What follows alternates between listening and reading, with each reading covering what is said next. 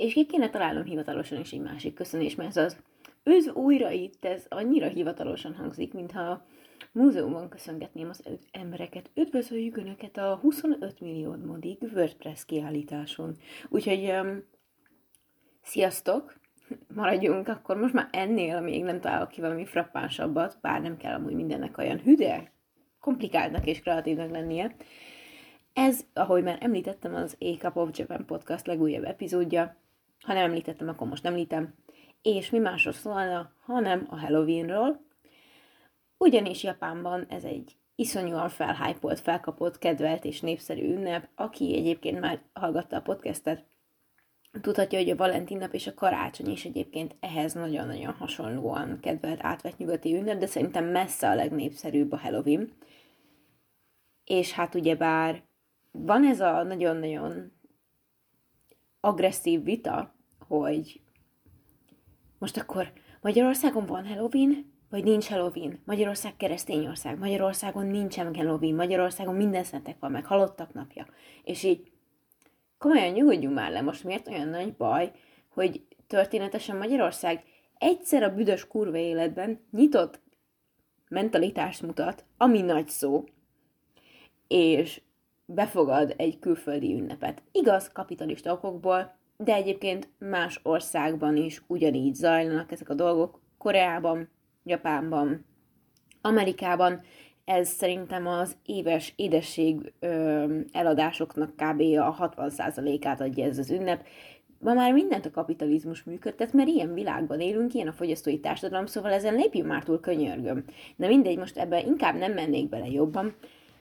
Úgyhogy tegyünk is át arra, hogy mit ajánljak nektek, vagyis mit ajánlok nektek italt ehhez az adáshoz, ami most egy frejes, csokis magyarús kávé lesz, mert ez volt akciós, és mert egy nagyon kedves barátnőm kölcsönött a kávédarájálóját, és balfasz voltam, mert nagy szemű kávét vettem az őrölt helyet. Igen, tudom, nagyon-nagyon ügyes vagyok. Csokonát, igen, fonetikusan leírva, ö, keressétek, hogyha szeretnétek ezt persze kipróbálni. Viszont mivel nem lehet bemutatni valamit a gyökerei nélkül, ezért a Halloween történetét általánosában keresztény kontextusban is szeretném bemutatni, majd áttérünk ugyebár a Szigetországban aktuális jelenségekre, és hogy ott hogyan fejlődött tovább a Halloween azzá a borzasztóan felhápolt fiatalok ünnepévé, amikor buli-buli hátán, csoki-csoki hátán, az a tokiói összeszelő, na, 7-Eleven-től kezdve az utolsó hokkaidói Starbucksig mindenhol pókok, boszorkányok, Halloween tökök, szellemek, vampírok, minden, ami Halloween tematikus létezik. De ebben majd inkább később mennék bele, most viszont nézzük akkor ezt az egész Halloween történetét. Mi az a Halloween, mi a minden szentek és mi a halottak napja. Ugyebár egyházi ünnep, és babonakként köztünk élő pogány szokások összessége átvett amerikai hagyomány maga a Halloween, és a kapitalizmusnak a nagy napja, lényegében a Black Friday után a második legnagyobb napja. Bár egyébként most már tényleg minden szünet, szünet, ünnep ide sorolható. A november 1 ugyebár az a minden szentek ünnepe, a november másodika pedig a halottak napja, a katolikus egyház tanítása szerint pedig a november 1 azoknak a szenteknek az ünnepe, akiknek nincsen külön emléknapjuk, mert ilyen jó fejek a katolikusok, hogy akkor most mindenkit kollektíve megünneplünk. A minden szentek, latinul, ha valaki, nem tudom, erre izgul, festum omnium sanctorium, a katolikus egyházban az összes üdvözült léleknapja, ahogy már említettem, a protestánsok pedig ekkor az elhunytakról emlékeztek meg. A halottak napja pedig fokozatosan vált egyházi ünnepből az elhunytakról való általános megemlékezésé, tehát lényegében a protestáns szokás honosult meg a halottak napjában. A minden szentek hagyományát nézve a 7. századra nyúlik vissza, illetve a 9. században vált kötelező egyházi ünnepé. A minden szentek ünnepéből az utóbbi 200 év során lett a halottak napjának előestéje. A néphit szerint ugyanis a gazdátlan és hontalan lelkek már az ünnepet megelőző este elkezdenek vándorolni, és ezért gyújtanak gyertyát november 1-én az emberek. Este, illetve sötétedés után az európai szokásrendszerben ugyanis az egyházi elemek, mint a körmenet, a misézés, a gyertya, a harangozás, stb. stb. stb. olyan ősi pogány hiedelmekkel keveredtek össze, mint mondjuk a halottak etetése. Ugye nem véletlenül nyújtanak be áldozatokat, ételáldozatokat mai napig. Nagyon sok ázsiai kultúrában, egyébként ilyen a japán is, illetve a koreai is. Ezekről tudok amúgy bővebben nyilatkozni jelenleg, de legjobb tudomásom szerint Indiában is a mai napig szoktak például mm, különböző hindu szertartások keretében állat, állat, nem állatáldozatot, mm, ételáldozatot bemutatni. Na de nézzük is ezt a halottak napját, november másodikán. Ugyebár ez a bencés szerzetesek Cluny, Cluny, azt hiszem Cluny kolostorából terjedt el a 10. században, és majd a 14. századra vált általános szokássá. A reformátusoknál ugyebár a halottak napja nem hivatalos ünnep, amit én így elvileg reformátusként eddig amúgy rohadtul nem tudtam, de mindegy. Calvin egyébként még a sírok megjelölését is helytelenítette, hú, micsoda fertő, úristen, megjelenni a sírokat, jaj, úristen, mi lesz a következő? Még a végén koszorúzni fogjuk a sírokat, jaj, úristen, oda ne rohanjak, mindegy. A 19. századtól pedig fokozatosan átvették a katolikusuk tradícióit, és ezt a tendenciát pedig a minden szentek hivatalos állami ünnepététele is felerősítette. És akkor nézzük is magát a Halloween-t, az október 31-i estét. Ugyebár ez a minden szentek ünnepének az előestéje, ha úgy vesszük, ez az All Hallows Eve névből fakad, ez a kifejezés, a Halloween, magyarul pedig a minden szentek éjszakájának fordítható, de ez ugyebár elég könnyen összekeverhető a, a hagyományos minden szentekkel, de akkor maradjunk most csak az All Hallows Eve-nél, hogy így ne gabajodjunk bele a fogalmakba. Ez a kóbor lelkeknek az ünnepe, a kelták halotti istene, istenének éjszakája, halottak istenének éjszakájaként tartották számon. Jánbor Lajos, a frank császár 835-ben negyedik Gergely pápa engedélyével pedig már hivatalosan is elismerte ezt az új ünnepet egyébként, amikor is a tisztító tűzben megtisztult, már mennyekbe jutott, üdvözült lelkekre emlékeznek. Viszont idáig azért nem olyan egyenes út vezetett, úgyhogy nézzük is meg tényleg az ősi pogány gyökereket, és szerintem ezért borzasztóan érdekes ez a Halloween ünnep, mert csodálatos szokásokra vezethető vissza szerintem. Én imádom a pogány hagyományokat. És egyébként a legtöbb keresztény hagyomány is pogány hagyományokra vezethető vissza, hiszen a kereszténység előtt kvázi mindenki pogány volt, ha úgy vesszük. Ha, attól függ persze, mennyire veszük szigorúan ezt a fogalmat, hogy pogány. Hogyha minden más valláshoz tartozó pogánynak veszünk, akkor tényleg mindenki az volt, de most ezt se akarom nagyon kifejteni, mert így is rohadt sokat pofázok. Szóval térjünk is át a keltákra, ugyanis az ókori kelták egy hatalmas területen éltek Közép- és Nyugat-Európában, és hoztak létre így kisebb-nagyobb államalakutatokat. Borzasztóan gazdag anyagi kultúrával rendelkeztek. Ez egyébként szerencsére a római, kultú, római hultás után is fennmaradt, viszonylag, és például Franciában, Franciaországban, Bretagne-ben, Angliában, Cornwallban, vagy Skóciában és Velszben, valamint Írország területén találhatunk a keltákra utaló emlékeket. A világmagyarázatuk szerint a fény és a sötétség kettőségére épül az egész világ, és az előbbi, tehát a fény, a világ és az élet pozitív szimbólum, pozitív aspektusait ragadja meg, még a sötétség a negatív oldalát és értékeit képviseli az életnek. A kelta új év pedig november 1-én kezdődött, amikor befejezték az őszi betakarításokat. Értelemszerűen ez az év a következő év őszi szüreteinek végéig tartott, november 1-et pedig a november 1 pedig a hideg téllel, sötétséggel, illetve a halállal asszociálták. Ebből kifolyólag maga az előestéje az új évnek, az október 31-e, ami a Samhain napja volt, ünnepe volt, egy borzasztóan fontos nappá vált. A sötétség és a természeti fele, természetfeletti lényeknek az ünnepe volt ez a nap. A Samhain egyfajta fesztivál jellegű dolog volt, ennek idején a szellemek megtréfálták a halandókat, ugye ekkor lényegében elvékonyodott a túlvilág és az evilág közötti határmesdje. Tehát az emberek ekkor megláthatták a különböző túlvilági lényeket is, összekeveredtek ekkor a különböző erők, a jó, rossz, pozitív, negatív, élők, holtak világa keveredett ekkor. A druidák, a kelta papok értendők ez alatt könnyebben tudtak jósolni egyébként a más világról érkezettek jelenlétében. Nyilvánvalóan ezek az energiák sokkal intenzívebbek voltak ezen a napon. Például házassággal, egészséggel, halállal kapcsolatos kérdésekben, és nincsen hangom, ez az a... Jó, oké. Okay. Podcast oltárán feláldozom az összes hangszálamat, ez az. Legalább akkor légy hallgassátok végig ennek tiszteletére az epit, köszi. Szóval házassággal, egészséggel és halállal kapcsolatos kérdésekben jósoltak a pako- papok. Jó, oké. Okay. Krákogásokkal egybekötött, nagyon érdekes podcast epizódot nézünk elébe. Szent mágiákat gyújtottak, ahol a holtesteket égették el, illetve áldat, állat áldozatokat mutattak be. Az ünnepen résztvevők jelmezt viseltek, különböző állati fejekből, koponyákból és bőrökből állt, néha maszkot vagy áruhát viseltek, illetve a jelenlévőnek hit szellemektől óvták magukat egyébként ezzel a jelmezzel. Igen, a mai Halloweeni jelmezeknek lényegében ez a legősibb őse.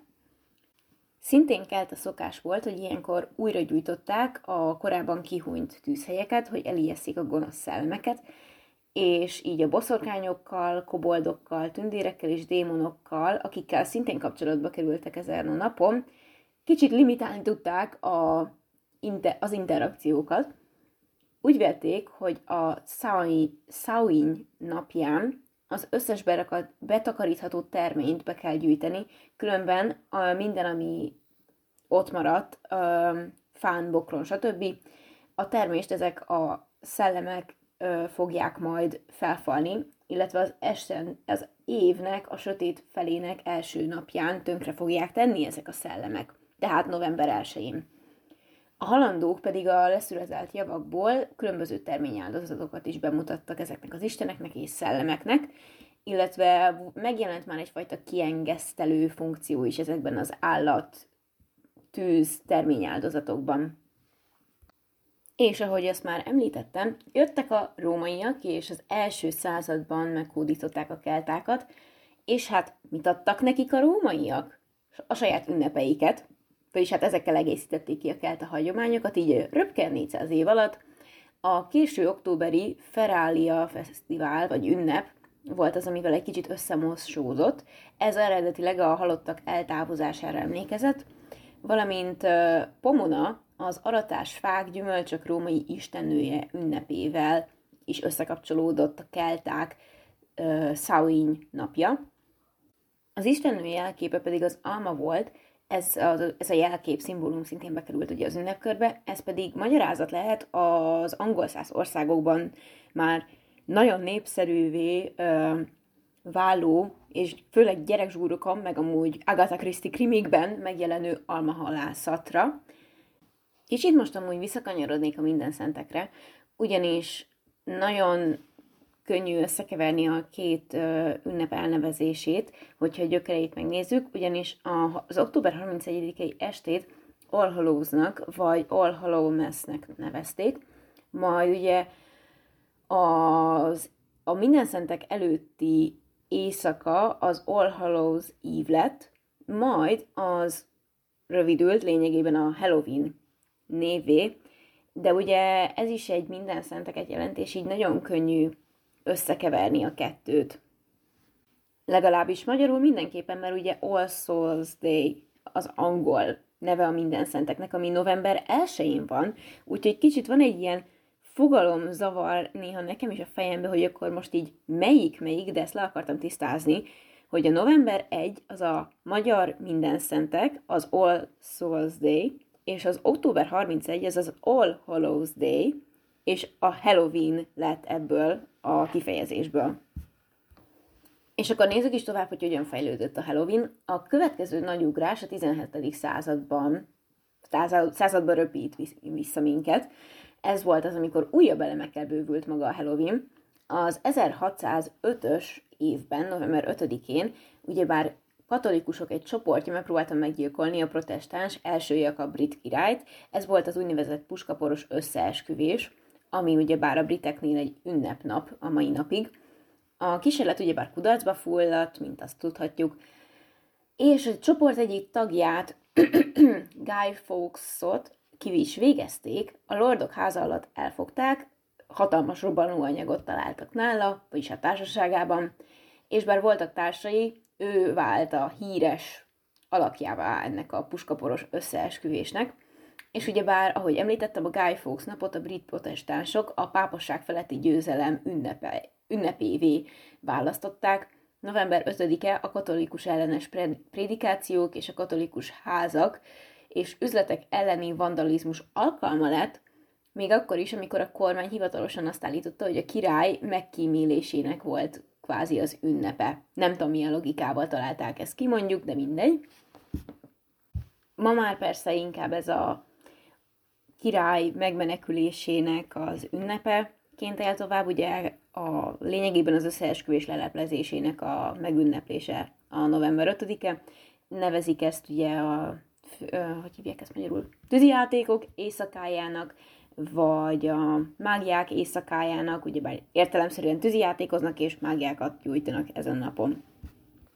Még egy hangja bokányi kitérőt tennék, ugye van ez a Guy Fawkes maszk, amit általában tüntetéseken szoktak viselni világszerte, az Anonymous csoporthoz köthető, illetve a V mint Venedetta, vagy V mint Vérbosszú mm, című filmben is megjelenik. Ez a maszk is ugye lényegében erről a Guy Fawkesról, akiről most meséltem, kapta a nevét, és az ő alakjára vezethető vissza. De, ha minden igaz, ilyen Guy Fawkes képmást nem viseltek, ellenben talicskán tolva, pénzt vagy édességet koldulva jelenítették meg az ő alakját, kezdetben ezen a november 5-i ünnepen, illetve vandalizmussal fenyegetőztek az emberek, hogyha nem fogadják el a kérést, a felkérést az édesség adásra, vagy pénzre. Ez pedig a csokit vagy csínyt, vagy csokit vagy csalunk, trick hagyománynak ez szintén egyfajta gyökere. Ahogy említettem már, ekkor a 17. században is mágiákat gyújtottak, és előszeretettel akasztottak fel szimbolikusan különböző népszerűtlen személyiségeket, leggyakrabban a pápát, hiszen a brit protestánsok ekkor a pápaság feletti győzelmet ünnepelték, a gyerekek pedig ugyebár a szegényekkel, a szegényekhez hasonlóan jártak így házról házra, lényegében egy korai trick or treat hagyományt folytatva. Újabb jelentős fázist hozott el, amikor a Halloween megélte kvázi az amerikai álmat, hiszen a betelepült britek révén került az új gyarmati világba, új-Angliában egyébként a merev protestáns, hit, protestáns hitrendszer miatt így elég korlátozott volt a Halloweennek a gyakorlása. Az új-angliai puritánok ugyanis elutasítottak minden olyan ünnepet, amely a pogány hiedelmekhez volt köthető, így amúgy a karácsonyt és a húsvétot is, de megtartották a Guy Fawkes napot, ami november 5-én volt, ugyebár, és ezzel is emlékeztették a, az embereket a katolikusokkal szembeni állítólagos erkölcsi felsőbbrendűségükre hm, milyen emelkedett. Sokkal elterjedtebb volt a Halloween a déli gyarmatokon, illetve Marylandben. Az amerikai gyarmatok már ekkor, az amerikai föld már ekkor egy hatalmas nagy olvasztó tégely volt, és itt az amerikai indiánok hite, szokásai összeforradtak a különböző európai népcsoportokéval. A Halloween egy jellegzetesen amerikai változata kezdett ebből kifolyólag kialakulni. Az ünnepségek közé tartozott az úgynevezett play party, amely a betakarítás megünneplésére szolgált lényegében. Ezek különböző nyilvános események voltak, tehát nyilván bárki részt vehetett rajta. A szomszédok megosztották egymással a halottakról szóló történeteket, jövendőt mondtak, táncoltak és énekeltek. Ugye ez a jövendőmondás motivum a keltáknál is már megjelent, Ekkor kezdtek el ugyebár szellemtörténeteket mesélni, ekkor jött ez az egész spooky, ijesztő, fossuk össze magunkat horrorfilmekre előzmény dolog és már ekkor előszeretettel, különböző csintevésekkel játszottak a másik édek szálaival, a 19. században pedig általánosságban egy őszi fesztivál és ünnepszezon alakult ki, viszont ez még nem a Halloween, mint nemzetközi ünnepet jelentette. Majd aztán a 19. század második felében egy újabb ö, bevándorló hullám érte el a kontinenst, írek döntő többségben érkeztek ekkor a Szigetországba, és amúgy neki köszönhetően szintén újabb elemekkel gazdagodott az ünnep, ráadásul még népszerűbb lett. Le, tehát lényegében ez a Halloween meghonosodás kvázi az íreknek köszönhető, meg ugyebár eredetileg a brit ö, letelepedőknek. A katolikus írek továbbra is megtartották a Halloween-t, a minden szentek napját, de ezeket mostaná, mostanára átszőtték olyan hagyományok is, mint mondjuk a töklámpás varagás. Ez a töklámpás ugyebár angolul a Jack O'Lantern néven fut, az ír népmeséből, Fösvény Jack meséjéből ered. Ő egy okos, részeges szélhámos volt, aki becsapta még az ördögöt is olyannyira, hogy kitiltott őt a pokolból, amihez tehetség kell. Jack pedig egy bűnös életet élt, emiatt nem juthatott be a mennyországba. Halála után így a világot járta, és egy eredetileg tarló lépá, répából készült kis lámpás vitt magával, amelynek belsejében a pokolból származó vörösen izzó parázs világított.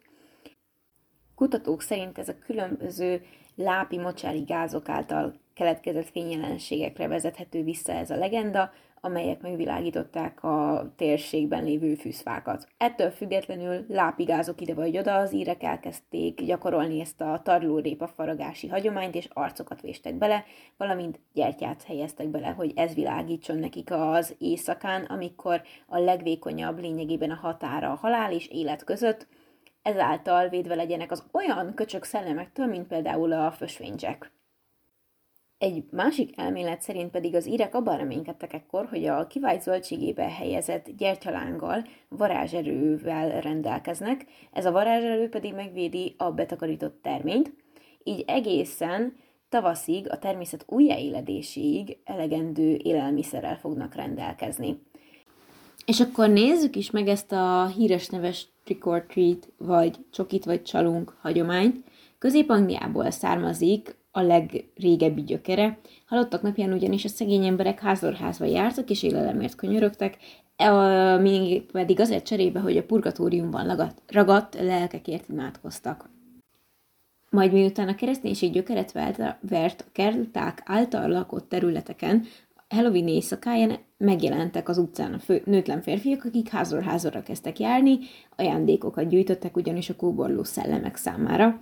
Ez egyfajta ilyen mókás, levezetése volt a betakarítási munkák fáradalmainak.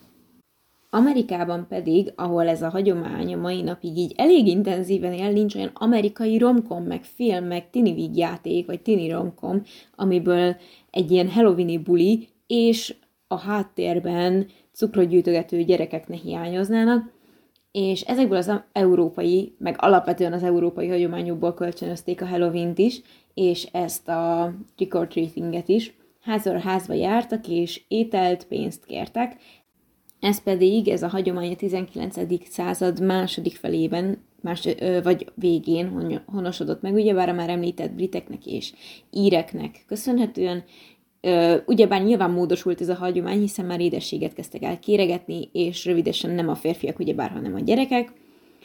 Alapvetően ez a szokás ugyebár a burgonya vészelől menekült íreknek köszönhető, és a széles körű elterjedését is ők segítették elő az ünnepnek, bár ezt már tényleg nagyon sokszor mondom, és nem győzöm hangsúlyozni.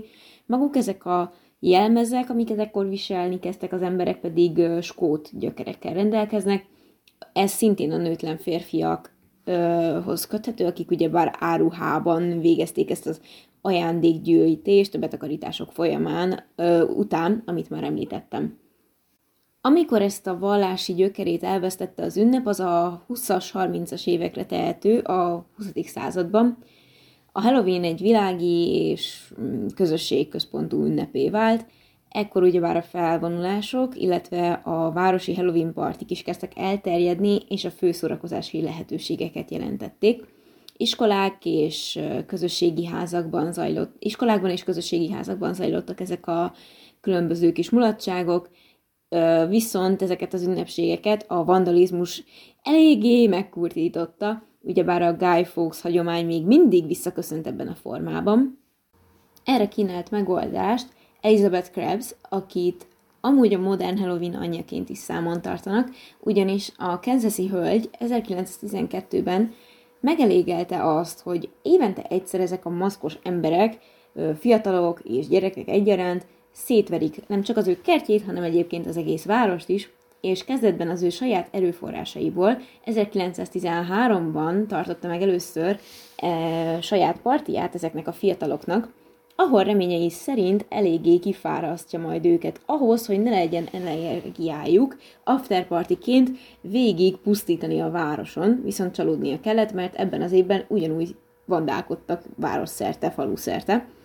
És 1914-ben viszont az egész város bevonta ebbe a nagy mulatság szervezésbe. Zenekart hívott és versenyt rendeztek, az első jelmezes versenyt, ha úgy veszük, a fel, egyfajta felvonulást is rendeztek, és ekkor viszont már a terve bevált, ezzel a nagy, nagyobb, monumentálisabb ünneppel sikerült bevonni a fiatalokat, és tényleg elvette igazából a kedvüket attól, hogy vandálkodjanak ezentúl. Minden orosz korosztály ki élvezhette ezt az ünnepet, és ekkor már nem egy retteget, nem a rettegés éjszakájaként ö, tekintettek rá. Sikerének híre pedig már nem csak Kansasben ragadt meg, hanem máshova is eljutott a közeli városokba, majd ugye bár ez így országszerte elterjedt, és innentől kezdve ezt a békés, szórakoztató utat választották arra, hogy a halloween egy családbarát ünnepé tegyék ezekkel a halloweeni partikkal. De az amerikai csoki kéregetős gyakorlatot viszont nem ő találta ki, ez a hagyomány ugye bár már, ahogy említettem, évszázadok óta megjelent maga, ez az első kollektíve ö, szervezett Halloweeni buli rendezvény volt az, ami ö, Mrs. Krabs nevéhez köthető. És mindenképpen nagyon-nagyon nagy hálát val tartozik igazából az amerikai nép ennek a hölgynek, hiszen az 50-es évekre sikerült a városvezetőknek is teljes mértékben korlátozni a vandalizmust, és így a Halloween elsősorban a fiataloknak szóló ünnepé vált, tehát ezek a nőtlen férfiak, középkorú férfiak kiszorultak lényegében a célcsoportból. Ekkor egy másik fontos jelenség is lezajlott az 50-es években, ugyebár a nagy baby boom, amikor ugyebár a nagy számú kisgyerekeket valamivel nyilván le kellett kötni, és így az otthonokba is bekúztak ezek a halloweeni bulis szokások, és így a csokit vagy csalunk hagyomány egyfajta újjáéledésének ö, lehetünk szemtanúi ebben az időszakban. Ez ugyanis egy viszonylag olcsó módja volt annak, hogy így az egész közösséget bevonhassák a heroini ünnepségbe, építsék ezeket a nagyon ma már tényleg negédesnek számító, sztereotipikus kertvárosi közösséget, és szintén olcsó módja volt annak, hogy a szülőknek pár nyugodt perc legyen az otthon ulálkodó 5-6 rengeteg vagy kevés, de éppen kellően irritáló gyerektől, illetve a szomszédok ezzel próbálták megakadályozni az esetleges csintevéseket, amikor mondjuk a szomszéd gyerekek még mindig szerettek volna az egykori vandalizmus emlékére elkövetni, de hát a gyerekek könnyen lekönnyerezhetővé váltak az édességekkel, és így született meg az a hagyomány, ami az egyik legintenzívebb fogyasztói kultúrához vezetett, hiszen napjainkban az amerikaiak évente mintegy 6 milliárd dollárt költenek a Halloweenre, így ez az ország második legnagyobb kereskedelmi ünnepe. Hatalmas nagy összegről van szó, ami amúgy teljesen hihető, hogyha megnézzük a 2022-es legfrissebb adatokat, átlagosan ez szerint egy amerikai évi 100 dollárt költ ugye így kosztümökre, jelmezekre, cukrokra, édességekre, dekorációra és üdvözlőkártyákra is. Megosztanék néhány kevésbé ismert és elfeledett hagyományt, ami szerintem amúgy rohadt érdekes. Ugyebár a már említett nőtlen férfiak hallatán eszetekbe juthatott az, hogy hm, akkor vajon ez is a párválasztásról szólt-e? Nos, a válasz az, hogy igen, mi másról szólna, hanem a párválasztásról, mint kb. minden más az életben, mert úgy tűnik más témája nincsen az embereknek, yeah, Különösen sokaknak volt ugyanis az a célja, hogy segítsenek a fiatal nőknek azonosítani jövendőbeli férjüket, hogy megnyugtassák őket egy napon, ha szerencséjük van, a következő Halloweenre már férjezettek lesznek. Mert ugyebár nincs élet férj nélkül, hogy ne. Esküszöm, nem is értem, hogyha ennyire tolják ezt a családpolitikát itthon, meg hogy házasodjál meg, kössük be mindenki fejét, ha már egyébként a balesetén nem, akkor legalább ö, absztrakt módon kössük be a másik fejét. Miért nem ragadják meg ezeket a hagyományokat akkor? Értitek? Egy kicsit kreatívabban, ha már úgyis meghonosul itthon a Halloween, kiaknázatlan terület. Hello, nekem kell gondolkodni a kormánypárt helyett? Na jó, inkább tényleg nem, nem akarok véletlenül ötleteket adni, még a végén valaki ezt tényleg komolyan veszi, úgyhogy kanyarodjunk is át a 18. századi Írországba, amikor egy házasság közvetítő szakásnő Halloween éjszakáján elásatott egy gyűrűt a krumplipüréjébe, remélve, hogy az igaz szerelmet hozza majd el annak az étkezőnek, aki majd ezt megtalálja, és ez is rövidesen egy hagyományá alakult. Skóciában pedig a jövendőmondók azt javasolták, hogy minden fiatal nő adjon az udvarlójának egy-egy magyarót, majd dobják a férfiak ezeket a kandallóba, és a tradíció szerint az a magyaró, amelyik hamuvá égett, ahelyett, hogy felrobbant volna, a lány leendő férjét jelképezte, tehát kvázi így lepleződött le az, hogy ki lesz az ő jövendőbelie, viszont egyes verziókban viszont az ellenkezője igaz. A korban egyébként népszerű volt még a gesztenyevadászat is, szintén Halloweeni partikon ez egy előszeretettel gyakorolt szórakozási forma volt, és azt, azt tartották, hogy aki a gesztenyevadászaton először talál bogáncsot, az fog először megházasodni a résztvevők közül. Ugye ez a zöld burka a gesztenyének, amire most gondolok. És mielőtt még tényleg rátérnénk a japán aspektusra, szeretnék egy picit beszélni arról, hogy itthon a szocialista Magyarország idejében hogy tekintetek erről az ünnepre, mert amúgy nem sok infó van róla, tényleg manapság az elmúlt néhány évben lett nagyon népszerű a Halloween szerintem itthon, vagy nem tudom, hogy ti hogy látjátok, de most már kezd kevésbé kevésbé erős lenni ez a szégyen kultúra, hogy nem, Magyarországon nincs Halloween, szerintem legalábbis.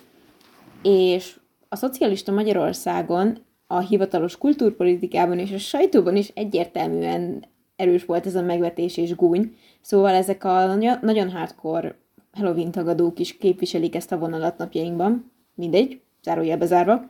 És a Dolgozók világlapja úgy mutatta be az olvasóinak 1949. novemberében a Halloween-t, hogy tudjátok mi az a Halloween? Úgy ejtik Halloween, és a brutális, esztelen és léha amerikai szórakozások, sőt ünnepnapok egyike.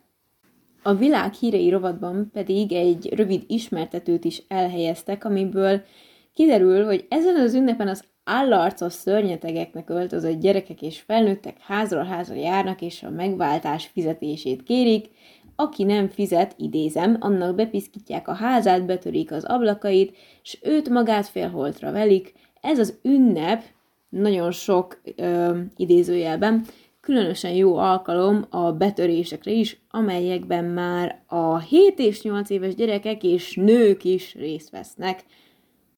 Hát tudjátok, amiben már a nők is részt vesznek, az tényleg a fertők fertője lesz. De most így mindenki megnyugtatására közlöm, hogy hű szocialistaként azért a szerző nem győzi hangsúlyozni a cikkben, hogy az állatgyárosoknak mekkora borzasztó nagy biznisz ez az egész, és hogy nyilván jól megszedik magukat a dolgozó munkásosztályon. Mondjuk az tény, hogy ebben igaza volt, hogy ez a cégeknek, gyáraknak, vállalatoknak, édességgyáraknak ez egy kibaszott nagy biznisz a mai napig egyébként, majd most ugorjunk át. 92-ben a heti Pesti Report című labban egy nagy buliról tudósítottak a High Life szórakozó helyről, ahol a felkészületlen vendégeket sminkmesterek várták és maszkírozták át különböző lényeki, ugye vampirokká, boszorkányá és zombivá, ez az édes hármas a Halloweennak továbbra is, szerintem. Az egyik sminkes lelkesen nyilatkozott egyébként a, la, ra, na, a lap riporterének, csupa nehéz szót mondok ma, úgy tűnik, 14. alkalommal vállaltam a koporsóba fekvést, lol, talán azért, hogy barátkozzam a halál gondolatával. Mondjuk ezt igazából a 2020-as év óta megtesszük mi is most, de ilyen hatalmas sikert, mint itt Óbudán, még egyszer sem maradtam. Érdemes volt elvállalni ezt a vendégszereplést. Mondjuk szerintem a karanténos Halloween az a Money Heist ünnepe volt, mert mindenkit ilyen piros hacukában láttam Instagramon. Mindegy, ennyit a magyar kis kitekintésről. És akkor most térjünk át a lényegre, a japán Halloweenre. Már említettem, hogy nagyon népszerű, tényleg népszerű, mint a karácsony, és az egyik legjelentősebb kereskedelmi szezonális esemény amúgy össze. A karácsony az azért is kicsit ö, más jellegű Japánban, mert ugye az inkább a randizásnak az ünnepe, de erről majd a karácsonyi epizódban fogok beszélni, és a Halloween egy sokkal szélesebb közönséget befogad, tehát sokkal nagyobb bevételt is lehet szerezni ezen az ünnepen. Az ünnep becsült piaci értéke is elég beszédes, hiszen már elérte a 122 milliárd jent, szorozatok be cirka hárommal, és akkor megkapjátok a magyar értékét. Különösen az elmúlt 5 év növekedése az, ami iszonyúan erőteljes. 2011-ben egyébként 30, ö, 56 milliárd jent ö, jelentett a Halloweeni bevétel, és ezzel már ekkor a második helyre került a komercializálódott nyugati ünnepek között. Nyilvánvalóan nem, nem lövöm le nagyon a poént, hogyha azt mondom, hogy a japán Halloween nem egy vallási ünnep, és nem is a gyermekek szórakozására lett kitalálva, ami talán meglepőben hathat, hanem inkább a fiatal felnőttek és üzletemberek, tehát a már saját bevétellel rendelkezők az ünnepe, akik ugye bár megengedhetik maguknak a drágább jelmezeket, bulijegyeket és az alkoholfogyasztást. Kvázi ez egy ilyen magyar szilveszter beütésű ünnep Japánban. Persze ez nem azt jelenti, hogy nincsen gyerekeket megcélzó Halloweeni termékcsalád, meg különböző ételek, mert hogy ne lennének. Tényleg szerintem a világ összes létező Halloweeni témájú áruját le tudják gyártani Japánban. Szerintem még tök mintás tampont is gyártanak valahol. Nagy erőkkel kerestem egyébként ehhez hasonlót, és még nem találtam, de rajta vagyok az ügyöm. Viszont, hogyha még nem gyártottak le valami tragédia folyamán, mondjuk akkor, jó, ne, nem leszek szigorú, akkor nem tökös tampont, hanem mondjuk tökös szárnyas betétet, vagy szellemes szárnyas betétet, szellemes szárnyas betét, milyen szép alliteráció. Na mindegy, Szóval ez egy borzasztóan kiaknázatlan terület akkor így a női higiénia és menstruációs termékek, úgyhogy japán üzletemberek, ha esetleg ide tévedtek, akkor hello, itt hatalmas lehetőségek, ez egy aranybánya. Úgy tűnik ez a podcast egyébként a kapitalizmus szószólójává tett. Na mindegy.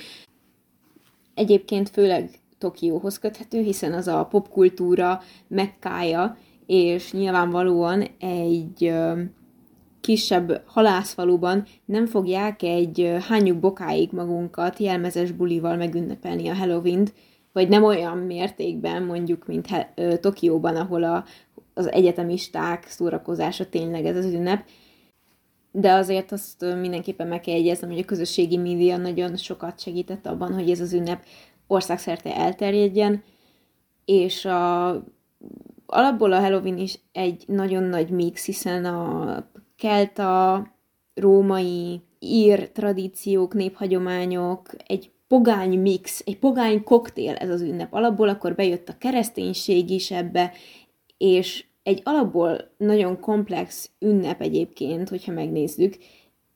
A japán fordulattal pedig egy még komplexebb ünnepet kapunk, és ez nem egyfajta ilyen Mm, destruktív kereskedelmi esemény, hanem tényleg a kultúrák kölcsönhatásának egy nagyon érdekes megnyilvánulása ez az egész Halloween jelenség. Főleg, ha azt nézzük, hogy Japán tényleg nagyon ért ahhoz, hogy mindenhez hozzáadja ezt a maga kis japános csavarját, és még figyelemre méltóbb, hogy nagyon-nagyon nem volt benne a köztudatban a Halloween, de tényleg így szerintem 2011 előtt így nem nagyon tudták az emberek, hogy ezzel így mit is kell kezdeni, miért olyan nagy dolog ez, és már meg egy kvázi egy hónapos, tényleg ilyen Spooky Season fesztivállán nőtte ki magát egészen október 31-ig. Emlékszem, amikor én cserediák voltam 2016-ban, mm, én Oszakában voltam, és akkor így hozták nekem az osztálytársaim a kis édességeket, meg Halloweeni ilyen fejdíszeket csináltunk, meg ilyesmi. Este bementünk a városba, és elárasztották az emberek. Tényleg egy ilyen Halloweeni cosplay volt igazából egész Ószaka akkor. A, csodálatos volt, meg nagyon fura is néha egy-két ember jelmeze, de nagyon szórakoztató. De azóta meg még tovább pörgött ez az egész, tényleg a nulláról indult Japánban. A Halloween-t először a nagy közönségnek egy könyv mutatta be, méghozzá Ray Bradbury The Halloween Tree című könyve, amely egy 67-ben megjelent könyv volt, és csak 73-ban fordították le Japánra. Ez viszont a gyerekeket és a felnőtteket is megcélozta. A Halloween eredetét beszéli el ez a könyv, viszont még nem kapott nagyobb visszhangot. Majd megjelent két amerikai film, szintén 73-ban a az ördögűző, illetve a Halloween 78-ban, ez már viszonylag így megszerettette a horrort a japánokkal, de még ez sem volt olyan átütő hatású. Um, illetve Michael Jackson Thriller című klipjét jövezte nagyobb siker 83-ban. Ez már stimulálta a fiatalokat arra, hogy egy kicsit ilyen horroros elemű divatot képviseljenek, ilyen nyugati stílusú, gótikus, horrorisztikus jelmezeket viseltek ennek, ennek következtében az utcákon, de azt nem mondanám, hogy hogy Michael Jacksonnak a klipje az egy gótikus divatot jelenített meg, mert egyértelműen nem, viszont hatással volt rá. Kevesebb infót találtam róla, de a 70-es években, ha minden igaz, egy Kidiland nevű Harajuku játékbolt volt az, ami a japán történelemben elsőként kezdett el árulni Halloweeni árukat, és gyerekeknek kezdtek el szervezni jelmezes fancy bulikat, de ugyebár ez csak Tokióra korlátozódott, és ez a tokiói központ, ugye, ahogy mondtam, a mai napig egyébként azért elég mérvadó, ebben az időben meg pláne, és ami már viszont jobban um, nyomon követhető, vagy lekövethető, az az 1983-as Shibuyai Omotesado-ban szervezett jelmezverseny mm, és árusított jelmezek. Erről már több adatot találtam, ha minden igaz, ez volt a kiugró pontja a Halloween népszerűségének a fővárosban, és került be jobban a köztudatba. Ezt egyébként Haro, Halloween Pumpkin Parade névre keresztelték, vagyis Hello Pumpkin Parade névre. Kb. 100 fő vonult fel ekkor Omotesandóban, majd a Namco Wonder Egg Vidám Park és Vidám Parkot üzemeltető cég 1992. novemberében a Wonder Halloween Party-t rendezte meg. Ennek keretében szintén tartottak egy jelmezversenyt, Ekkor még amúgy a látogatóknak ingyenes volt a belépés, ami napjainkban. Már annyira amúgy nem jellemző szerintem sehol, nem csak Japánban, de itthon sem, hiszen a mondokon is már vagy 10 ezer forint, azt hiszem, bár mondjuk nem voltam ott, de ilyen áron elgondolkozom azon, hogy elmegyek oda, bármennyire szeretnék gyönyörködni az emberek kreativitásában, de azért ennyi pénzt nem biztos, hogy kiadnék egy, egy belépőre, hogy ö, embereket stíröljek, akik csodálatos, kreatív, módon jelenítenek meg Halloween-i anime szereplőket és hasonlókat. Mindegy, ez egy nagyon nagy kiugrás, meg kiugró megjegyzés. Ekkor már a 90-es években, hogy visszakanyarodjak ismét az előző eredeti témához, megjelentek viccesebb, kicsit ilyen soft horror filmek, mint az Ollókezű Edward vagy az Adams Family, amelyek ugye bár így pont ekkor, így 91-92 tájékán ö, kerültek bemutatásra Japánban is, és ezek még erőteljesebben hozzájárultak ez a horror, gótikus műfaj ö, megalapozásához. Valamint ugye bár a gótikus divat, ez a dark gótikus műfaj is az ilyen nagyon esztétikus soft horror filmek hatására honosult meg Japánban, és ehhez akkor még hozzátársult ez a post-punk divat éra is. De a mai formájában a Halloween-t Japán az a Tokyo Disneylandnek köszönheti. A Disney ugyanis mindenre ráteszi a kezét, és a Halloweenra is, ma már szerintem egész Hollywood a Disney kezében van, ami kicsit ijesztő, és beszállt a buliba, ugye bár a Tokyo Disneyland, az emberek pedig elkezdtek felfigyelni intenzívebben a Halloweenra. 1997. október 31-én ugyanis megrendezték a Tokiland, mi? Tokyo Disneyland látogatói számára a Disney Happy Halloween-t, amikor a, a látogatókat a jelmezviselésre buzdították, és nyilvánvalóan a, az ottani dolgozók is különböző Halloween jelmezekben fogadták a vendégeket, és ez volt az első hatalmas nagy sajtófigyelmet kapó Halloween rendezvény Japánban, és 2000-től pedig már megjelent széles körben Tokió szerte maga ez a Halloween szó, mindaddig pedig csak így elvétve hallottak az emberek. Hiába jelent meg a 70-es években ez a könyv, azért így nem nagyon ragadt meg a köztudatban maga a Halloween, addig csak így hébe-hóba angolul, vagy angol száz területen keletkezett filmekben hallottak magáról a Halloweenról. 2000-ben pedig már nagyobb sikerrel 400 látogatóval rendezték meg a Happy Halloween Twilight Parade-et, ami hatalmas sikert aratott tényleg a már amúgy is népszerű Disneylandben, amiért oda voltak a japánok, sokan ezért látogattak el magába a fővárosba is, hogy ennek az egész varázsvilágnak szemtanúi legyenek és rövidesen ebből egy éves őszi esemény, ünnepség vált. Ezt az ünnepséget pedig leghopizta az Universal Studios Japan 2001-ben, Oszakában ugyanis megnyitott a kapuit a park, és 2002-től pedig a Halloween, Halloween, na, Halloween, na, Hollywood Halloween névvel szállt be a buliba. Csak sikerül kinyögnöm így néhány értelmes szót. Tök jó, jól alakul ez az adás úgy tűnik, hogy sikerült így tudat alatt beöltöznöm verbálisan egy logopédus kezelés előtt álló beszédzavarosnak, vagy beszédhívásnak. Látod, még ezt sem sikerül eltalálnom, jó vagyok. De megint sikerült elterelnem a szót a lényegről. Úgy tűnik, hogy ha valamiben tehetséges vagyok, az az, hogy össze-vissza dumálja párhuzamosan 26 millió témáról, ezt most már beírom az önéletrajzomba is. Tehát itt van nekünk Japán, 2000-re már a két legnagyobb vidámpark tolja a halloween az emberek arcába, bekerült a köztudatba, ott van mindenhol, és innentől kezdve csak felfelé ível a Halloween népszerűsége, 2010-es évektől pedig így borzasztó nagyot ugrott ez az egész. Tehát kvázi a Disneynek köszönhető japán Halloween kultusza, ha azt nézzük, a karácsony őrület pedig a KFC-nek, Szóval iszonyúan érdekes, hogy mennyire összefonódnak ezek a különböző vállalati érdekek az ünnepekkel. Szerintem ez, ez hihetetlen érdekes, hogy ez a minta tényleg megismétlődik az országban így több, egyre több és több jelenségben.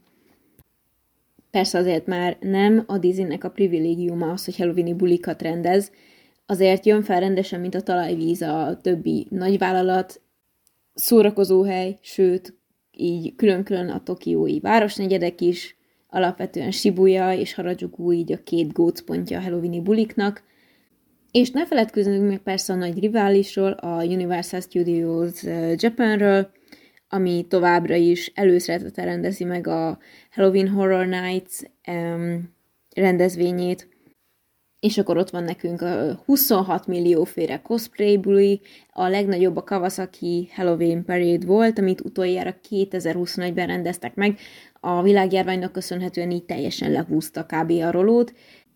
Cirka 100 ezer embert mozgatott meg ez az esemény, ma már pedig az Ikebukuri Halloweeni Cosplay Fesztivál az, ami így letaszította őt a trónról. És akkor ne, fejele, ne feledkezzünk meg a hírhet Sibujáról, ami alapvetően a pörgős, éjszakai életéről híres, valamint annak hevességéről is, ami meghatványozódik október 31 és november, 30, és november 1 között. 2014-ben Halloweenkor ugyanis egy nagy számú jelmezes közösség gyűlt össze Sibujában, viszont hatalmas káosz tört ki, és rohamrendőröket kellett bevetni, és Shibuya híres neves kereszteződésnél, ami nem hiányozhat egy Japánról szóló utazási dokumentumfilmből sem, lényegében elkergették az embereket, hatalmas zavargások voltak, amiket alig tudtak leverni, kb. 200 embert kellett bevetni, viszont meglepő módon csak két embert tartóztattak le ekkor, 2019-ben pedig emiatt az esemény miatt, meg a Shibui buliknak az elharapódzása miatt bevezették, hogy október 31-én, november 1-én, valamint az ezeket megelőző két hét péntekén, szombatján és vasárnapján, továbbá december 31-től január 31-ig, szilveszterkor, ebből kifolyólag, tilos a nyilvános alkoholfogyasztás Sibujában, és ez minden közterületre érvényes, beleértve így az utakat, parkokat és minden létező szabad területet. A sibójai tisztviselők ugyanis ezzel próbáltak megelőző intézkedéseket beiktatni.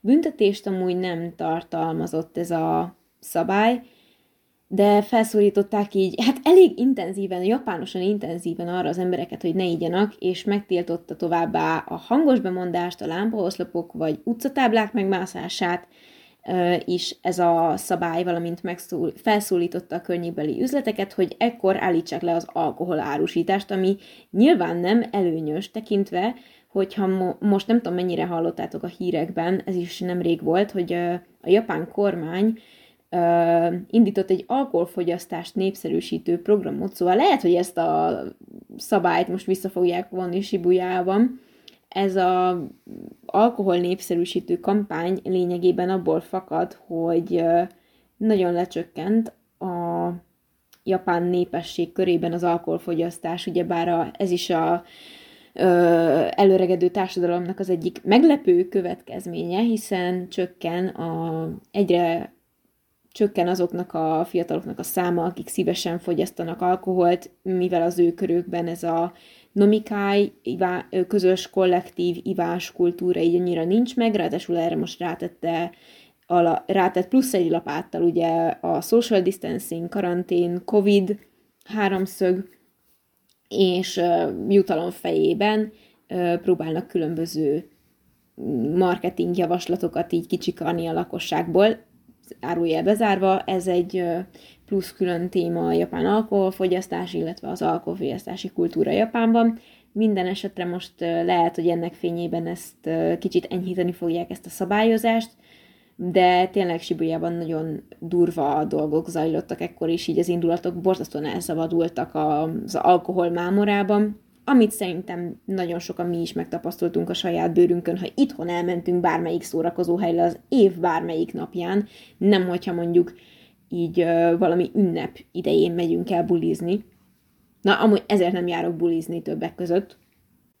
Lehet még nem említettem, de egyébként ez a Shibuya Scramble névre hallgat, ez a egyébként nem hivatalos esemény, amikor egy borzasztóan energetikus közönség gyűlik itt össze, és bocsátkozik mértéktelen alkoholfogyasztásba, de mint említettem, betiltották ekkor az alkoholfogyasztást, és eszméletlen összeget fordított a kormány arra, hogy megelőzkedő, megelőző lépéseket tegyen, mint egy 100 millió jent, szoroz be hárommal, megkapod a magyar megfelelőjét.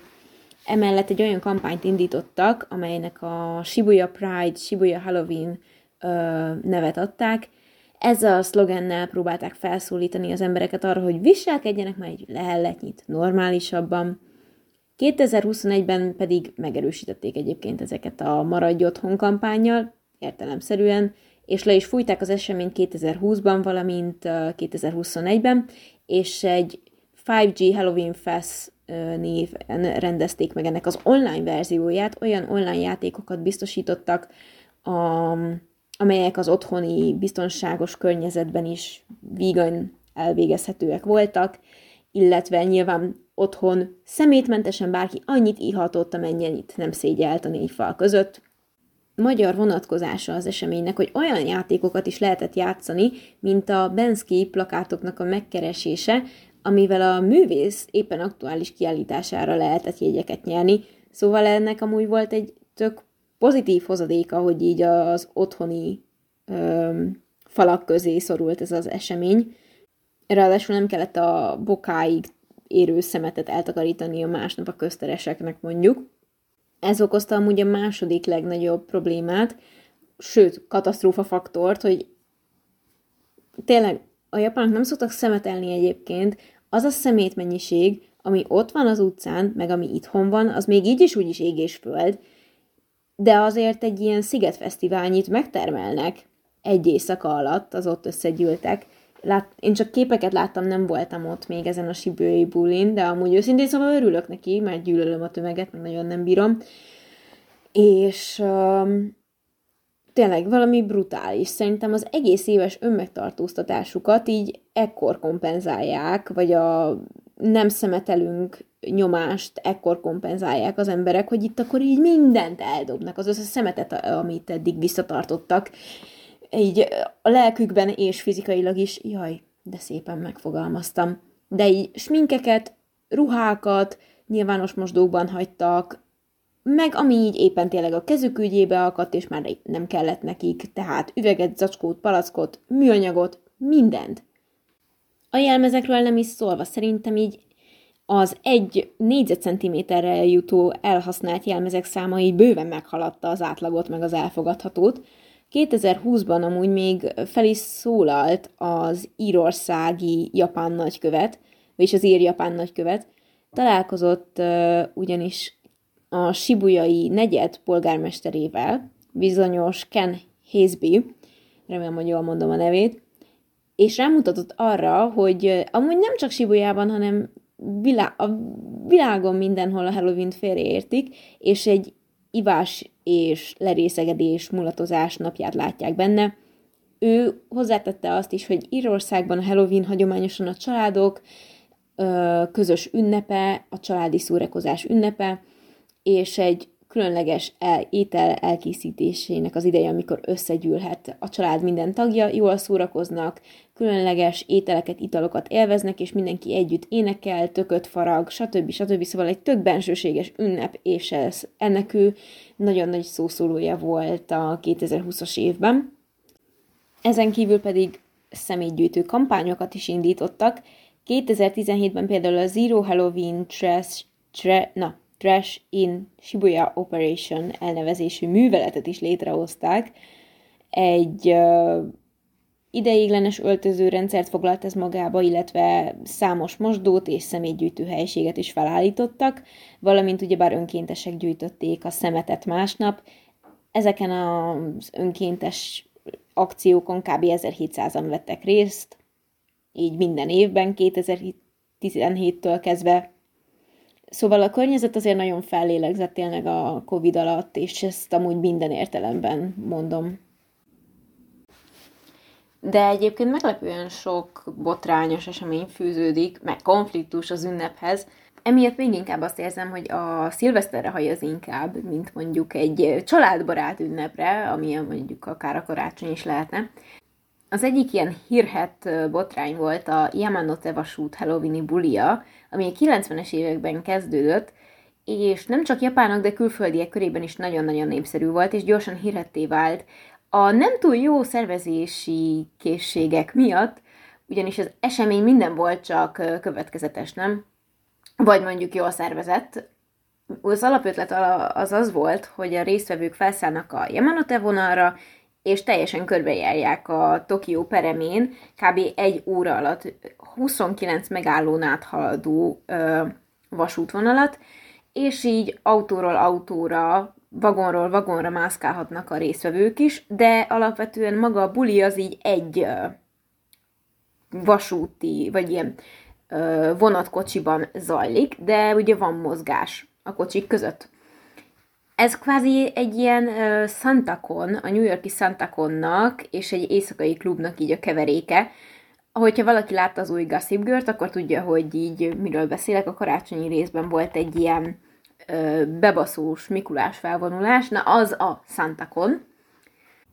Ez a Yamanotei buli pedig már a 2000-es évekre elkezelhetetlenné vált, közel kezelhetetlenné. 2007-ben ugyanis egy uh, elég komoly probléma ütötte fel a fejét. Október 31-én több tucatnyi ember, köztük amúgy külföldiek is zsúfolottak össze ebben a kis vasúti kocsiban, és néhányan közülük randalírozni kezdtek, és késletették a többi, egyébként nem buli vonatot, illetve kiszedték a neoncsöveket, befeküdtek a podgyászok közé, vagy a podgyászok helyére, lelökték a csomagokat, befeküdtek a hálókocsiba, szóval volt itt minden, egy teljes, totális káosz alakult ki. Az elkövetők között voltak japánok és külföldiek, ahogy az érintettek is, az átlagutasok is voltak ugyanúgy japánok és külföldiek, ettől függetlenül úgy találták a kislét számot foglalkoztató szélső jobboldali mozgalmak, hogy ez csak a külföldieknek rúható fel, és rövidesen tüntetést szerveztek, Egyébként nem csak a vonatbuli, de maga a Halloween ellen is, mivel hogy egy általánosságban nyugati eszmék megtestesüléseként tekintenek erre az ünnepre, a szélsőjobboldali japán mozgalmak legalábbis, illetve maga a nyugati eszmék, attitűd, ünnepek és a külföldiek ellen lépett fel a Halloweeni buli indokával. Ez a mozgalom olyan szövegeket kántáltak, mint hogy takarodjatok, hülye külföldiek, ez nem Fehérország, és a többi, és a többi. A helyzet pedig odáig falult, hogy, fajult, hogy a rendőrségnek is be kellett avatkoznia, és idézőjelben így megölték a bulit, hiszen annak érdekében, hogy a résztvevőket meg tudják védeni, a tokiói Shinjuku állomáson zajló tömeges tiltakozásoknak hát véget kellett valahogy vetni, és így leállították magát a metróbulit is, ez pedig így általánosságban az ünnep hivatalos beszüntetéséhez vezetett. A tüntetés nyomán pedig elindult egy anti-Halloween kampány is, miszerint nekünk japánoknak nincsen szükségünk a Halloweenre, és hasonló feliratú táblákat ö, mutogattak innentől kezdve a tüntetők, amikor éppen úgy döntöttek, hogy most összegyűlünk utálkozni a Halloween-t, meg a külföldieket, meg a nyugatot, és 2009-ben indult utoljára útjára ez a eszeveszett, fékevesztett vonat, a Yamanote Halloween vonat. Szintén nagyon nagy sajtóvízhangot kapott, amikor 2015. október 13-án Kumamoto prefektúrában 110 hívás érkezett arról, hogy egy maszkot viselő, láncfűrész tartó férfi járkál az utcákon, és egy ideig elég komoly felfordulást is okozott, mivel több rendőrautó is összegyűlt a környéken, hogy így mi a fasz történik, és hogy miért testesíti meg valaki a texasi láncfűrészest és avanzsálódott kumamotói láncfűrészessé. Az elkövető pedig egy 20-as éveiben járó férfi volt, aki egy kereskedelmi létesítményben dolgozott egyébként Kumamotóban, és úgy gondolta, hogy a Halloweeni jelmezzel szeretné meglepni a munkahelyét, a láncfűrész pedig csak egy játék volt, viszont sikerült nagyon élethűen eljátszania, hogy egy teljes kattant tömegmészáros babérra szeretne törni, úgyhogy nem aratott túl nagy sikert szerintem a munkahelyén sem, szegény faszit szerintem amúgy ki is rúgták. De ez csak az én elméletem, amúgy nem tudom, hogy mi volt az utóélete a Palinak. Ezt a maratonira nyúló epizódot pedig a Jakuzával zárnám, hiszen ők is színre léptek, bár nem jelmezben, kezdetben. Ugyanis nem gondolná az ember, hogy pont ők voltak azok, akik a trick or treat hagyományt meghonosították egy igencsak kis területen, de meghonosították Japánban. Ez alig, alig terjedt el a Szigetországban, ennek pedig leginkább az az oka, hogy ritthon ritkán fogadnak az otthoni környezetükbe vadidegeneket a japánok, szóval, hogyha téged vendégül hívnak japán ismerőseid az otthonukba, az egy rohadt nagy szó, mert ez egy nagyon privát, intim szféraként kezelt terület, és hogyha cserediákot fogadnak, az szintén nagyon nagy ritkaság számba megy.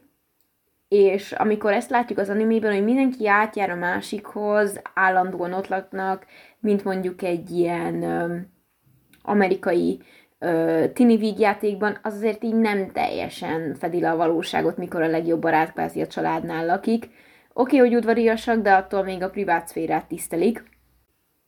Az ojama shimas kifejezés is arra utal, hogy zavarni foglak, azaz az utadban állok. Ez az, amikor így udvariasan üdvözlik a másikat, amikor belépnek az illető házába de ezt a saját házában nem mondja az ember, ezt mindig az éppen érkező vendég fogja mondani. így nem véletlenül zajlanak maguk a halloweeni felvonulások, bulik is az utcán, hiszen a lakások alapvetően kicsik, kis légtérben nagy hacacárét tartani így alig, ha lehet kényelmesen, és a, az összesztőzések is elkerülhetetlenek így egy kis ö, elzárt térben. Meg amúgy, ahogy a mellékelt ábra mutatja, hogy az utcán sem túlzottan sikeresen megy ennek a meggátlása, na mindegy. Azonban egy Yakuza család próbált túllendülni az őket érő negatív sztereotípiákon, illetve negatív megítélésen, és meg akarták honosítani, honosítani a trikortit hagyományt, bár amúgy ezt a véletlen szülte, hiszen az egyik legnagyobb Yakuza család, az a Yamaguchi Gumi, amelynek főhadiszállása Kobe-ban található, ők rendeztek egy nagyon sajátos trikortít eseményt, állítólag jelenleg 2000, 2000, 28.200 tagja van a bandának, amikor 1991-ben a buborék kipukkant, ugye a gazdasági buborék, akkor elvileg 91 ezer volt, szóval azért már eléggé megcsapant a létszámuk, ráadásul a mai helyzetük egy kicsit így kérdéses, de erről majd később fogok beszélni. A rendőrség szerint a Yamaguchi Gumi 2013 óta szervez különböző, vagy szervezett különböző Halloweeni rendezvényeket, méghozzá a Nada negyedben, Kobe-ban, ugye a főhadiszállásukon. Édességeket osztogattak ugyanis a környékbeli gyerekeknek, ami amúgy nem hangzik túl biztonságosan, hogy ö, mafiózók, bűnözők, alvilági emberek osztogatnak kisgyerekeknek édességet, mert ki tudja, mi van benne. Ugyebár az ember a mai világban már tényleg így a mai világban, tényleg miért beszélek úgy, mint egy ilyen konzervatív középkorú nő, na mindegy, vagy férfi, középkorú ember. Jó, oké, szóval abba hagyom az ilyen a mai világban megjegyzéseket, de tényleg azért mm, bármi megtörténhet, szerintem az elmúlt két év tanúsága az egyik legalábbis biztosan ez, és egy közeli nemzetközi iskolai diáknak, diákjainak köszönhető amúgy ez az egész, ugyanis ők az otthoni hagyományok szerint jártak el, és hát eléggé rossz ajtón kopogtattak édességért a szószoros értelmében, és a jakuzák is teljesen összezavarodva nézték, hogy mit keresnek itt ezek a gyerekek, de azonnal meglátták benne a kiváló PR lehetőséget, hogy ezzel megnöveljék a környékbeliek szemében a szimpátia faktorukat, és a helyi hatóságokkal szemben is egyébként eléggé jól jött az, hogy elnyerték a környékbeliek szimpátiáját. Idővel ugyanis a Yamaguchi Gumi a kobai Halloweennek így a szószólója is nagy követelet, és az ünnepségük egy megszokott momentumává vált a helyi ünnepségeknek, ha úgy tetszik, és gyakran jelmezbe öltözött mafiózók jelentek meg, és jól megrakott játék és cukorkászsákokkal járták a várost, és osztogattak ö, szerte a városban és a környéken. A legtöbb szülő amúgy meglepő módon boldogan hagyta, hogy a gyereke elfogadja ezeket a dolgokat, ajándékokat. Szerintem ez a legszürreálisabb jelenség, amit így el tud az ember képzelni lelki szemeivel. Ilyen is tényleg csak Japánban történhet meg. És amúgy a lakosok is hasonlóan álltak hozzá, hiszen úgy gondolták, hogy ez egy kicsit azért ijesztő, mert végre azért mégiscsak bűnözőkről van szó, viszont jót szórakoztak így a Yakuza és Halloween furcsa kombinációján, és inkább így mókásnak és nevetségesnek találták, mint sem ijesztőnek, mert azért így nem minden nap lát az ember tütőben flangáló mafiózokat az utcán cukorkázsákkal a kezükben, ez szerintem inkább egy ilyen nagyon masszív gombatripnek az eredményeként valósulhat meg legnagyobb valószínűségben, mint sem, hogy ez ténylegesen megtörténjen, de ez tényleg mikor ezre rátaláltam, hogy ilyen létezik, én komolyan azt hittem, hogy megnéztem, hogy mikor jött ki ez a cikk, mondom, ha április 1-én én bokán fosom magam, hogy ez, ez tényleg valami vicc. De nem, ez valid. És a mai napig egyébként tök sok friss cikk van róla a japán médiában. És amúgy bármilyen meglepő, hogy tovább fokozzam az egésznek a szürrealitását, de ez az a Halloweeni esemény, amihez a legkevesebb botrány fűződik, pedig már azt gondolná, hogy itt aztán itt ilyen vérremenő harcokba torkollik az egész, és gyerekeket kell kimenteni túszharcok közepette, de soha nem jelentettek semmilyen problémát a rendezvény körül, pedig nagyon nagy a rendőri jelenlét. Nyilvánvalóan fokozott volt a gyerekek a lakosság biztonsága miatt. 2015-ben és 2017-ben viszont a Yamaguchi gumi belső politikai konfliktusai, bandaháborúi miatt így lemondásra kerültek. Elnapoljuk bandaháború miatt a csokit vagy csalunk rendezvényt, szóri gyerekek, jövőre találkozunk.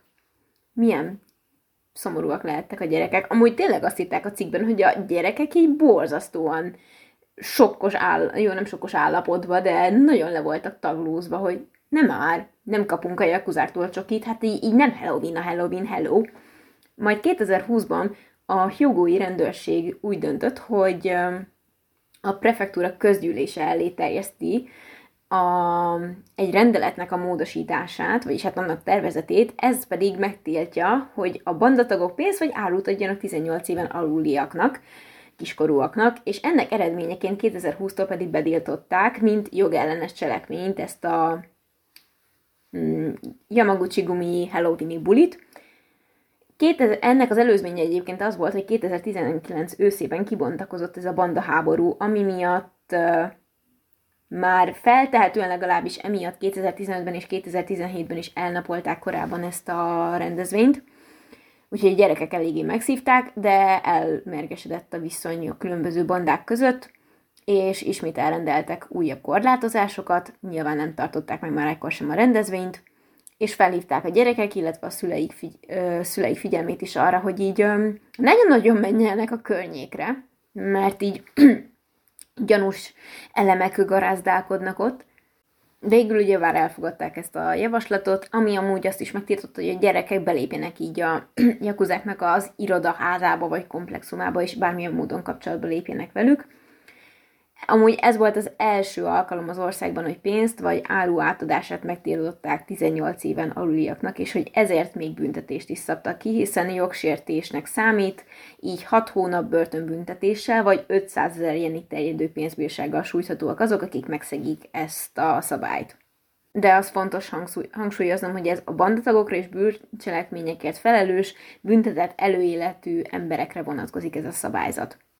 De ezelőtt azért elég rendesen megturbúzta a népszerűségét a Yamaguchi guminak, ez a Halloween uh, buli, éves buli, hiszen egy 70-es éveiben járó nő, aki azért már nyilván régóta élt ott, eképpen dicsérte őket, nincs szükség tudományos előképzettségre, ez egy teljes meritokrácia, a szeniorátus totális ellentéte, zárójelbe zárva.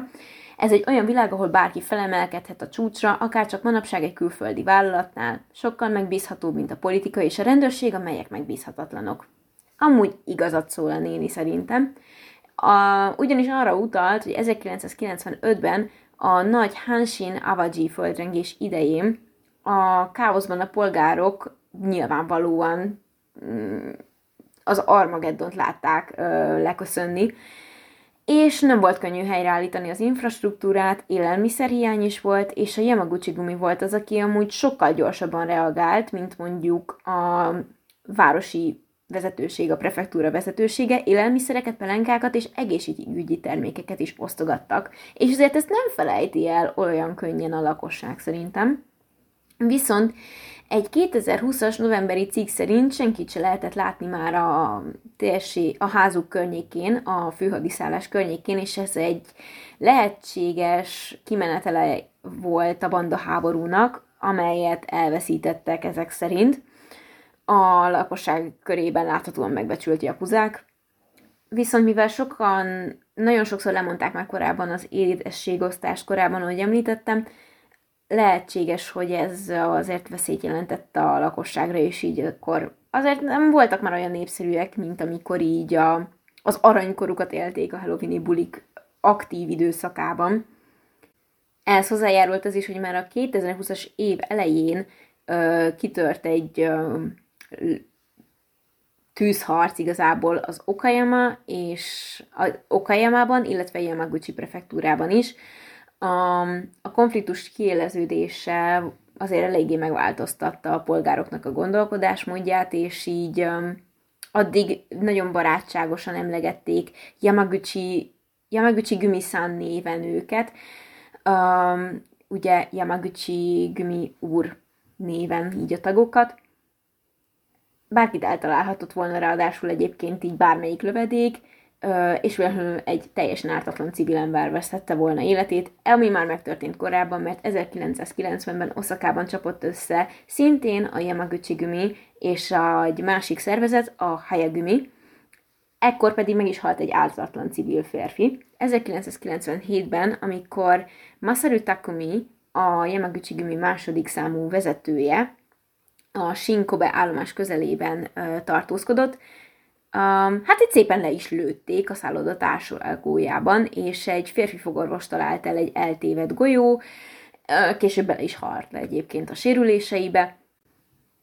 Azért a 2020-as évnek ez a, lövéldözési botránya megrázta a lakosságot, és nyilván a szülők azért aggódtak, a lakosság unblock azért így feszélyezve volt ezáltal, de még így sem csökkentette le annyira a népszerűségüket, mint amennyire várta volna a közvélemény, és még így is azért így szép emlékekkel tekintettek rá vissza mm, rájuk és a hozzájuk fűződő kapcsolatukra, mert ez, ezeket a lovagias, szeretetteljes, humanitárius cselekedeteiket nem felejtették el egykönnyen, egykönnyen, ráadásul egyesek még azt is felrótták nekik pozitív értelemben, az ő számlájukra írták, hogy segítették a helyi terület ellenőrzését, valamint ugyebár a, még a második világháború utáni káoszban is segítettek helyreállítani az infrastruktúrát, nem csak a földrengés ö, után, egészen ugye a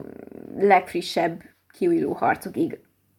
Sajnos azt nem lehet tudni, hogy most pontosan mi történt velük, de tényleg nagy az esélye annak, hogy ezt a jelenlegi banda háborút elveszítették.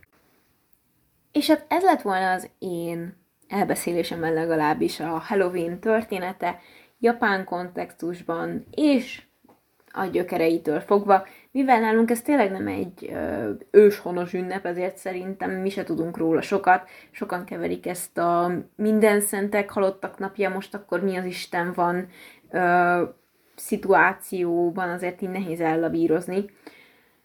És szerintem ez nagyon felnyitja az emberek szemét, főleg, hogy ez egy annyira ellentmondásos ünnep, és sokan tényleg negatívan tekintenek rá, bár nem mondom, hogy annak nincs meg az alapja, mert van azért.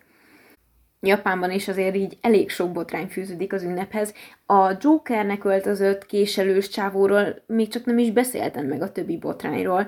Szóval tök érthető, hogy például a Kéjó vasúti társaság is felszólította az embereket arra, hogy így Léci, ne öltözetek be egyébként ilyen túl élethűen pszichopatának. Mm, egészen pontosan azt mondták, hogy ijesztő vagy kellemetlen érzeteket keltő jelmez viselésétől tartózkodjanak az utasok, tekintettel lév, ö, így legyenek tekintettel a többi utasra, aki mondjuk így tartózkodik ettől az egész Halloweeni ünnepségtől. És tényleg nem tudom azt mondani, hogy nem biztos, hogy nincsen elátkozva ez az ünnep bizonyos tekintetben. Itthon remélhetőleg nem lesz hasonló botrány, semmilyen összetűzés vagy balhé. Az szilveszterre hagyják úgyis a magyarok szerintem. Hogy Japánban most mi lesz így a karanténból kiszabadult ö, alkoholmáborban, hát az megint egy másik kérdés lesz de bízunk a legjobbakban, mindenkinek kívánok nagyon-nagyon sok spooky filmet, vagy Gilmore Girls sorozatdarálást. Én maradok a jó barátoknál, mert Team Friends, és iszom tovább a kis csokis nugátos kávémat, szóval legyetek jók, igyatok felelősséggel, és nagyon jó szórakozás nektek Halloweenra, ha ünnepellitek, ha nem, akkor pedig töltsétek kellemesen szeretetteljes körben a halottak napját és a minden szenteket, hogyha azt ünneplitek. Ha egyiket sem, akkor csak kellemes hétfőt, keddet és szerdát nektek, és találkozunk hét hét múlva. A következő epizódban én Petra voltam, és sziasztok!